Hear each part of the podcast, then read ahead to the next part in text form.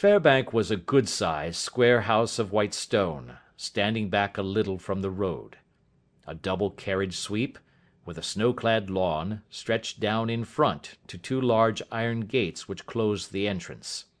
On the right side was a small wooden thicket, which led into a narrow path between two neat hedges stretching from the road to the kitchen door, and forming the tradesmen's entrance. On the left ran a lane which led to the stables, and was not itself within the grounds at all, being a public, though little used, thoroughfare. Holmes left us standing at the door, and walked slowly all round the house, across the front, down the tradesmen's path, and so round by the garden behind into the stable lane. So long was he that Mr Holder and I went into the dining room and waited by the fire until he should return. We were sitting there in silence when the door opened, and a young lady came in. She was rather above the middle height, slim, with dark hair and eyes, which seemed the darker against the absolute pallor of her skin. I do not think that I have ever seen such deadly paleness in a woman's face. Her lips, too, were bloodless, but her eyes were flushed with crying. As she swept silently into the room, she impressed me with a greater sense of grief than the banker had done in the morning, and it was the more striking in her as she was evidently a woman of strong character, with immense capacity for self-restraint. Disregarding my presence, she went straight to her uncle and passed her hand over his head with a sweet womanly caress. "You have given orders that Arthur should be liberated, have you not, Dad?" she asked. "No, no, my girl, the matter must be probed to the bottom. But I am so sure that he is innocent. You know what women's instincts are. I know that he has done no harm and that you will be sorry for having acted so harshly." "Why is he silent, then, if he is innocent?" "Who knows? Perhaps because he was so angry that you should suspect him." "How could I help suspecting him, when I actually saw him with the coronet in his hand?" "Oh, but he had only picked it up to look at it. Oh, do, do take my word for it, that he is innocent. Let the matter drop and say no more. It is so dreadful to think of our dear Arthur in prison." "I shall never let it drop until the gems are found. Never, Mary. Your affection for Arthur blinds you as to the awful consequences to me. Far from hushing the thing up, I have brought a gentleman down from London to inquire more deeply into it." "This gentleman?" she asked, facing round to me. "No, his friend. He wished us to leave him alone. He is round in the stable lane now." "The stable lane?" She raised her dark eyebrows. "What can he hope to find there? Ah! this, I suppose, is he. I trust, sir, that you will succeed in proving what I feel sure is the truth, that my cousin Arthur is innocent of this crime." "I fully share your opinion, and I trust, with you, that we may prove it," returned Holmes, going back to the mat to knock the snow from his shoes. "I believe I have the honour of addressing Miss Mary Holder. Might I ask you a question or two?" "Pray do, sir, if it may help to clear this horrible affair up." "You heard nothing yourself last night?" "Nothing, until my uncle here began to speak loudly. I heard that, and I came down." "You shut up the windows and doors the night before. Did you fasten all the windows?" "Yes." "Were they all fastened this morning?" "Yes." "You have a maid who has a sweetheart. I think that you remarked to your uncle last night that she had been out to see him?" "Yes, and she was the girl who waited in the drawing room, and who may have heard uncle's remarks about the coronet." "I see. You infer that she may have gone out to tell her sweetheart, and that the two may have planned the robbery." "But what is the good of all these vague theories?" cried the banker impatiently, "when I have told you that I saw Arthur with the coronet in his hands?" "Wait a little, Mr. Holder. We must come back to that. About this girl, Miss Holder. You saw her return by the kitchen door, I presume?" "Yes. When I went to see if the door was fastened for the night, I met her slipping in. I saw the man, too, in the gloom." "Do you know him?" "Oh, yes. He is the greengrocer who brings our vegetables round. His name is Francis Prosper." "He stood," said Holmes, "to the left of the door. That is to say, farther up the path than is necessary to reach the door?" "Yes, he did." "And he is a man with a wooden leg?" Something like fear sprang up in the young lady's expressive black eyes. "Why, you are like a magician," said she. "How do you know that?" She smiled, but there was no answering smile in Holmes's thin, eager face. "I should be very glad now to go upstairs," said he. "I shall probably wish to go over the outside of the house again. Perhaps I had better take a look at the lower windows before I go up." He walked swiftly round from one to the other, pausing only at the large one which looked from the hall on to the stable lane. This he opened, and made a very careful examination of the sill with his powerful magnifying lens. "Now we shall go upstairs," said he at last. The banker's dressing room was a plainly furnished little chamber, with a grey carpet, a large bureau, and a long mirror. Holmes went to the bureau first and looked hard at the lock. "Which key was used to open it?" he asked. "That which my son himself indicated. That of the cupboard of the lumber room." "Have you it here?" "That is it on the dressing table." Sherlock Holmes took it up, and opened the bureau. "It is a noiseless lock," said he. "It is no wonder that it did not wake you. This case, I presume, contains the coronet. We must have a look at it. He opened the case, and taking out the diadem he laid it upon the table. It was a magnificent specimen of the jeweller's art, and the thirty six stones were the finest that I have ever seen. At one side of the coronet was a cracked edge, where a corner holding three gems had been torn away.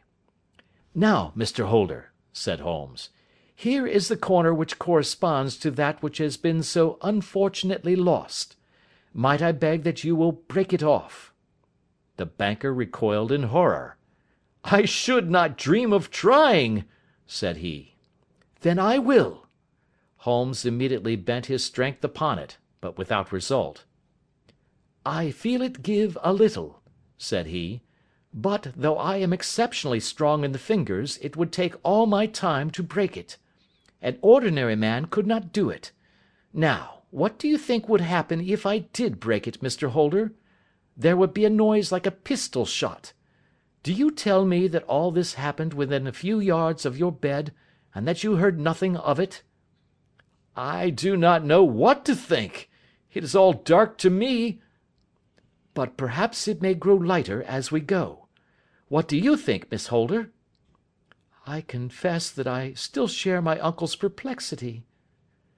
Your son had no shoes or slippers on when you saw him?" "He had nothing on save only his trousers and shirt." "Thank you. We have certainly been favoured with extraordinary luck during this inquiry, and it will be entirely our own fault if we do not succeed in clearing the matter up. With your permission, Mr. Holder, I shall now continue my investigations outside." He went alone, at his own request for he explained that any unnecessary footmarks might make his task more difficult. For an hour or more he was at work, returning at last with his feet heavy with snow, and his features as inscrutable as ever. "I think that I have seen now all that there is to see, Mr. Holder," said he.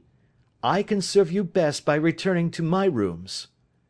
"But the gems, Mr. Holmes? Where are they?" "I cannot tell. The banker wrung his hands. "I shall never see them again!" he cried. "And my son? You give me hopes?" "My opinion is in no way altered." "Then, for God's sake, what was this dark business which was acted in my house last night?" "If you can call upon me at my Baker Street rooms to morrow morning, between nine and ten, I shall be happy to do what I can to make it clearer.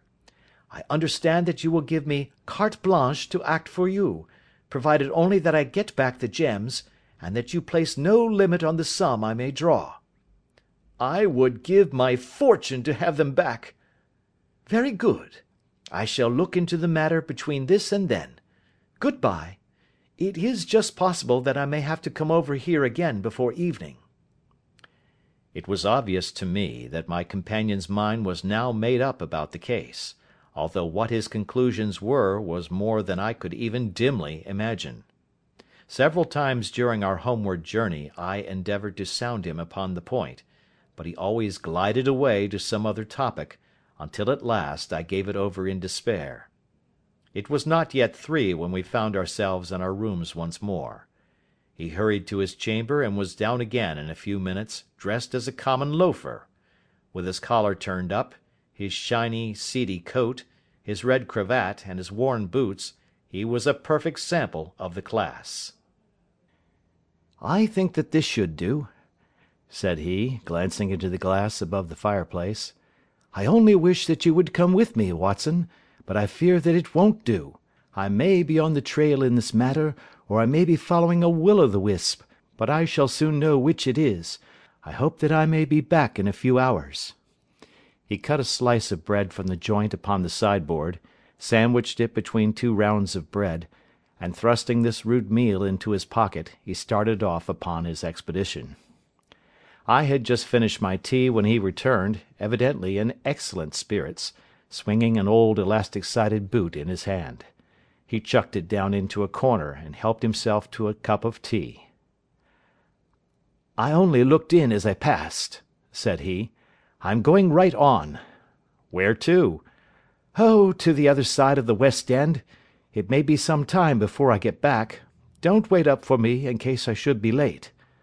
"How are you getting on?" "Oh, so so. Nothing to complain of. I have been out to Streatham since I saw you last, but I did not call at the house. It is a very sweet little problem, and I would not have missed it for a good deal. However, I must not sit gossiping here, but must get these disreputable clothes off and return to my highly respectable self." I could see by his manner that he had stronger reasons for satisfaction than his words alone would imply. His eyes twinkled and there was even a touch of colour upon his sallow cheeks. He hastened upstairs, and a few minutes later I heard the slam of the hall door, which told me that he was off once more upon his congenial hunt. I waited until midnight, but there was no sign of his return, so I retired to my room. It was no uncommon thing for him to be away for days and nights on end when he was hot upon a scent, so that his lateness caused me no surprise. I do not know at what hour he came in, but when I came down to breakfast in the morning, there he was, with a cup of coffee in one hand, and the paper in the other, as fresh and trim as possible. "You will excuse my beginning without you, Watson," said he, "but you remember that our client has rather an early appointment this morning." "Why, it is after nine now," I answered. "I should not be surprised if that were he. I thought I heard a ring." It was, indeed, our friend the financier. I was shocked by the change which had come over him, for his face which was naturally of a broad and massive mould, was now pinched and fallen in, while his hair seemed to me at least a shade whiter. He entered with a weariness and lethargy which was even more painful than his violence of the morning before, and he dropped heavily into the armchair which I pushed forward for him. "I do not know what I have done to be so severely tried," said he. Only two days ago I was a happy and prosperous man, without a care in the world. Now I am left to a lonely and dishonoured age. One sorrow comes close upon the heels of another. My niece, Mary, has deserted me." "Deserted you?" "Yes. Her bed this morning had not been slept in, her room was empty, and a note for me lay upon the hall table. I had said to her last night, in sorrow and not in anger, that if she had married my boy all might have been well with him. Perhaps it was thoughtless of me to say so. It is to that remark that she refers in this note. My dearest uncle, I feel that I have brought trouble upon you, and that if I had acted differently this terrible misfortune might never have occurred.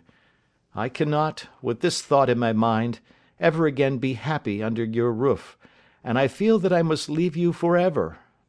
Do not worry about my future, for that is provided for; and above all, do not search for me, for it will be fruitless labour and an ill service to me.